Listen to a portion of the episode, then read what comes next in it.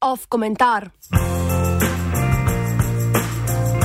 Ali je tudi v besedi umetne inteligence moč? That's alright.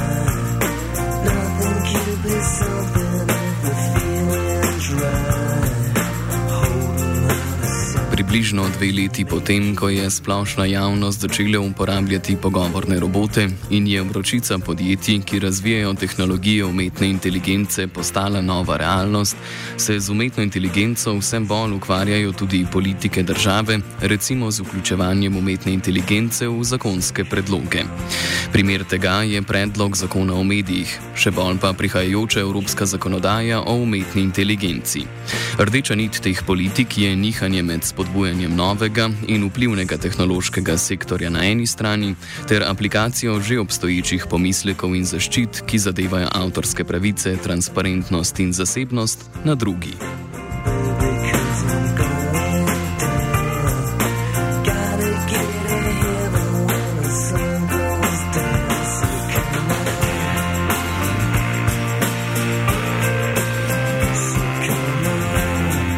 Nadzor nad tehnologijo je od nastanka moderne države postajal vse večja skrb politike. Bistveno področje državnega zanimanja sta bili nadzor in usmerjanje razvoja tehnologije po drugi svetovni vojni. Pomembno, po drugi svetovni vojni državno usmerjanje tehnologije ni omejeno na vojaško tehnologijo. Ta je seveda vseeno deležna znatnega državnega zanimanja in denarja, a je hkrati splošno sprejeto, da so usode države in predvsem blaginja njenih državljanov, s tem pa tudi družbeni mir, odvisni od tehnološkega razvoja. Država je zanj prevzela neposredno odgovornost.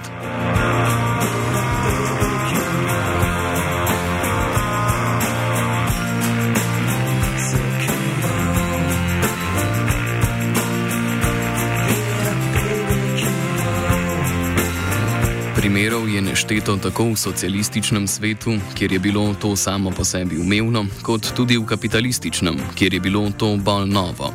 Tako so vse večje evropske države lahko imele svoje letalske industrije, ki so jih na to v 70. in 80. postopno združile. Tako je v ZDA deloval Bell Labs, nominalno privatna, a dejansko državno sankcionirana raziskovalna institucija, v kateri so razvili prvo fotovoltaično celico, laser in tranzistor. Patenti za te tehnologije so bili ponujeni na trgu za simbolično vsoto. Telekomunikacije, energetika, atomska in druge tehnologije so bile prepoznane za preveč pomembne, da bi njihov razvoj in lasništvo prepustili zasebnim podjetjem, ki so imela le poslovni interes.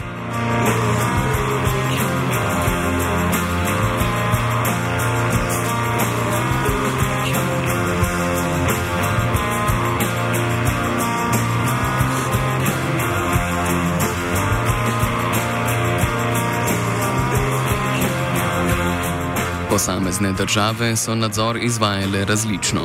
V ZDA država ni prevzela lasništva, a je regulirala ključne gospodarske panoge na drugačne načine.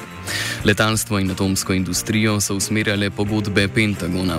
Prvo uspešno reaktivno letalo Boeing 707 je tako nastalo s skupnim razvojem civilnega letala in zračnega tankerja za vojaško letalstvo. Prve jedrske elektrarne pa so nastale iz reaktorjev za podmornice. Na informacijsko tehnologijo je država med drugim vplivala z regulacijo monopola na trgu telefonije, kjer je podjetje ATT financiralo razvoj in po sporazumu z državo odprlo patente.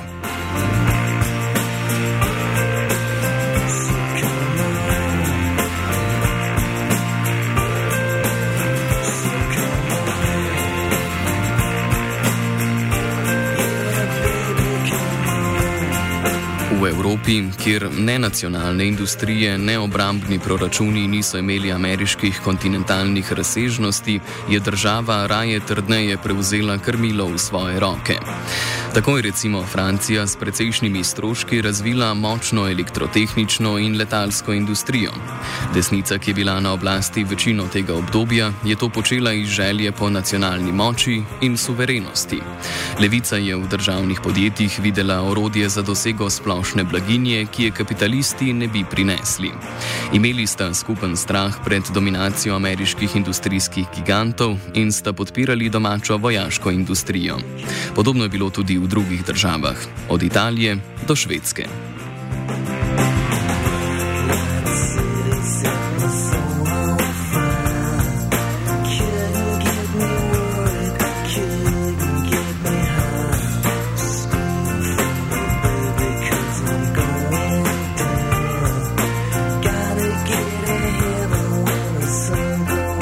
Podpori državnemu poseganju v ključne gospodarske panoge, specifično s ciljem doseganja domačega tehnološkega napredka in uporabi tehnologije za velike nacionalne projekte, so se strinjali na obeh političnih poljih in tudi državna birokracija.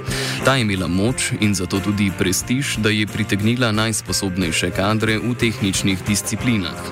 Država je imela politično voljo, ideološko utemeljitev in tehnično usposobljenost, da je neposredno odločala o ključnih razvojnih projektih in je tehnologijo načrtno razvijala ter po potrebi omejevala po svoji presoji.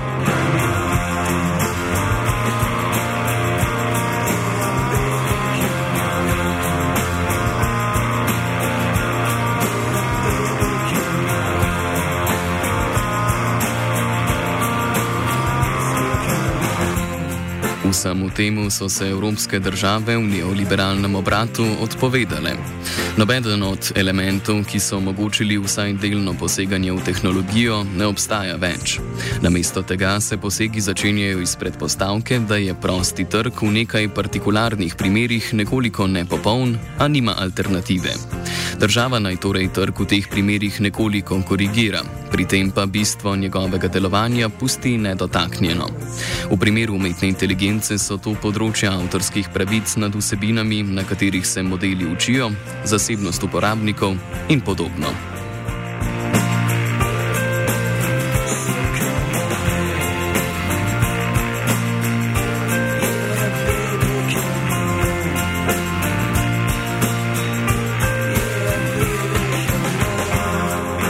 Področja in vrste šibkosti prostega trga se tudi v neoliberalni presoji množijo in širijo. Zato obstajajo subvencije, okoljski prispevki, izredne pomoči in ulaganja v raziskovalne inštitute, ki morajo imeti tudi svoja tržna sredstva. Če je neoliberalna država lahko še tako fleksibilna, jezik regulacij in direktiv pa še tako kriptičen, ostajajo tehnične kompetence šibke, politični cilji pa kratkovidni. ZDA podpirajo svoje proizvajalce mikročipov, zato ker gre za ključne elemente naprednega orožja, ki se mora kosati s kitajskim. Evropa na drugi strani utemeljuje subvencioniranje svojih podjetij z zmanjšanjem izpustov oglikovega dioksida. V obeh primerjih ostanejo prepovedane subvencije, ki bi imele za cilj povečanje obče blaginje ali bi omejevale svobodno gospodarsko pobudo.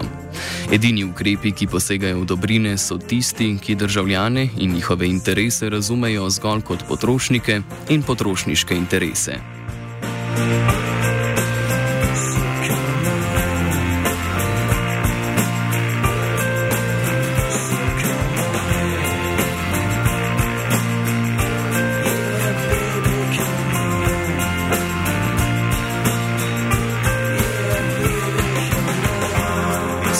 Sodobne evropske države nimajo političnega in ideološkega aparata, ki bi jim omogočil kaj več kot partikularne ukrepe in podporo v gospodarskih panogah, ki imajo bodi si najuspešnejše tuje konkurente, bodi si najvplivnejše domače lobiste.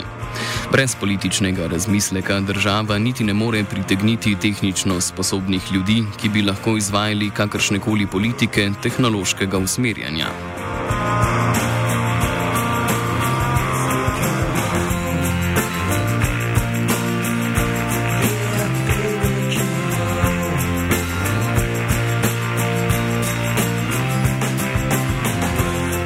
Številne nove tehnologije v zadnjih desetletjih so se izkazale za razočaranje in niso prinesle pozitivnih družbenih sprememb, ki so jih obljubljale.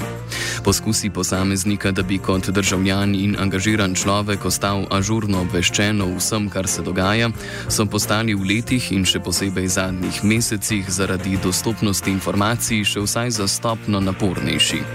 Neusmiljena informiranost, ki je vseobsegajoča izkušnja vsakega poskusa aktivnega participiranja v družbi, postane še toliko težje obladljiva, ko smo, kot sedaj, soočeni s plazom dogodkov, ki so neverjetni, neobladljivi in nedopustni, ter obenem povsem pričakovani in kmalo dolgočasni.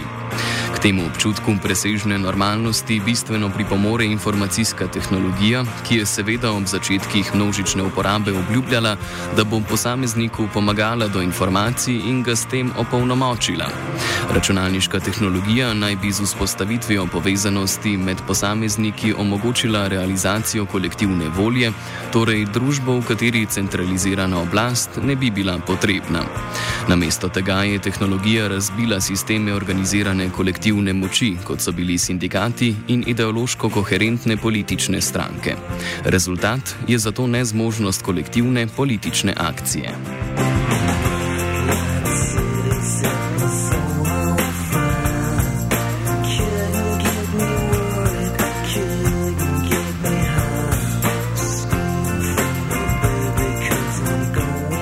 Informacijska tehnologija, čeprav najbolj izpostavljena, še zdaleč ni edina, ki se je razvijala tako, da je vse manj podvržena kakršnikoli obči usmeritvi ali političnemu nadzoru. Prav naša nezmožnost, da bi nam kot družbi uspelo usmerjati razvoj in implementirati tehnologijo za skupno dobro, je ključen element tega, da so zadnja desetletja v smislu ekonomskega, torej materialnega in družbenega razvoja tako daleč od preteklih vizij prihodnosti. Vprašanje novih tehnologij vedno spremlja ključno vprašanje moči. Ali naj bo regulacija taka, da ščiti tisto, kar naj bi bile naše pravice, drugače pa spodbuja biznis? Ali pa je del ambicije politike tudi to, da je država mesto, preko katerega se lahko usmerjata razvoj in uporaba tehnologije v skupno dobro?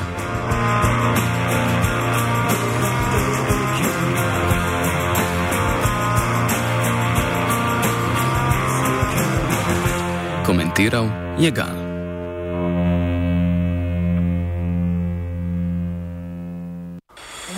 Oh.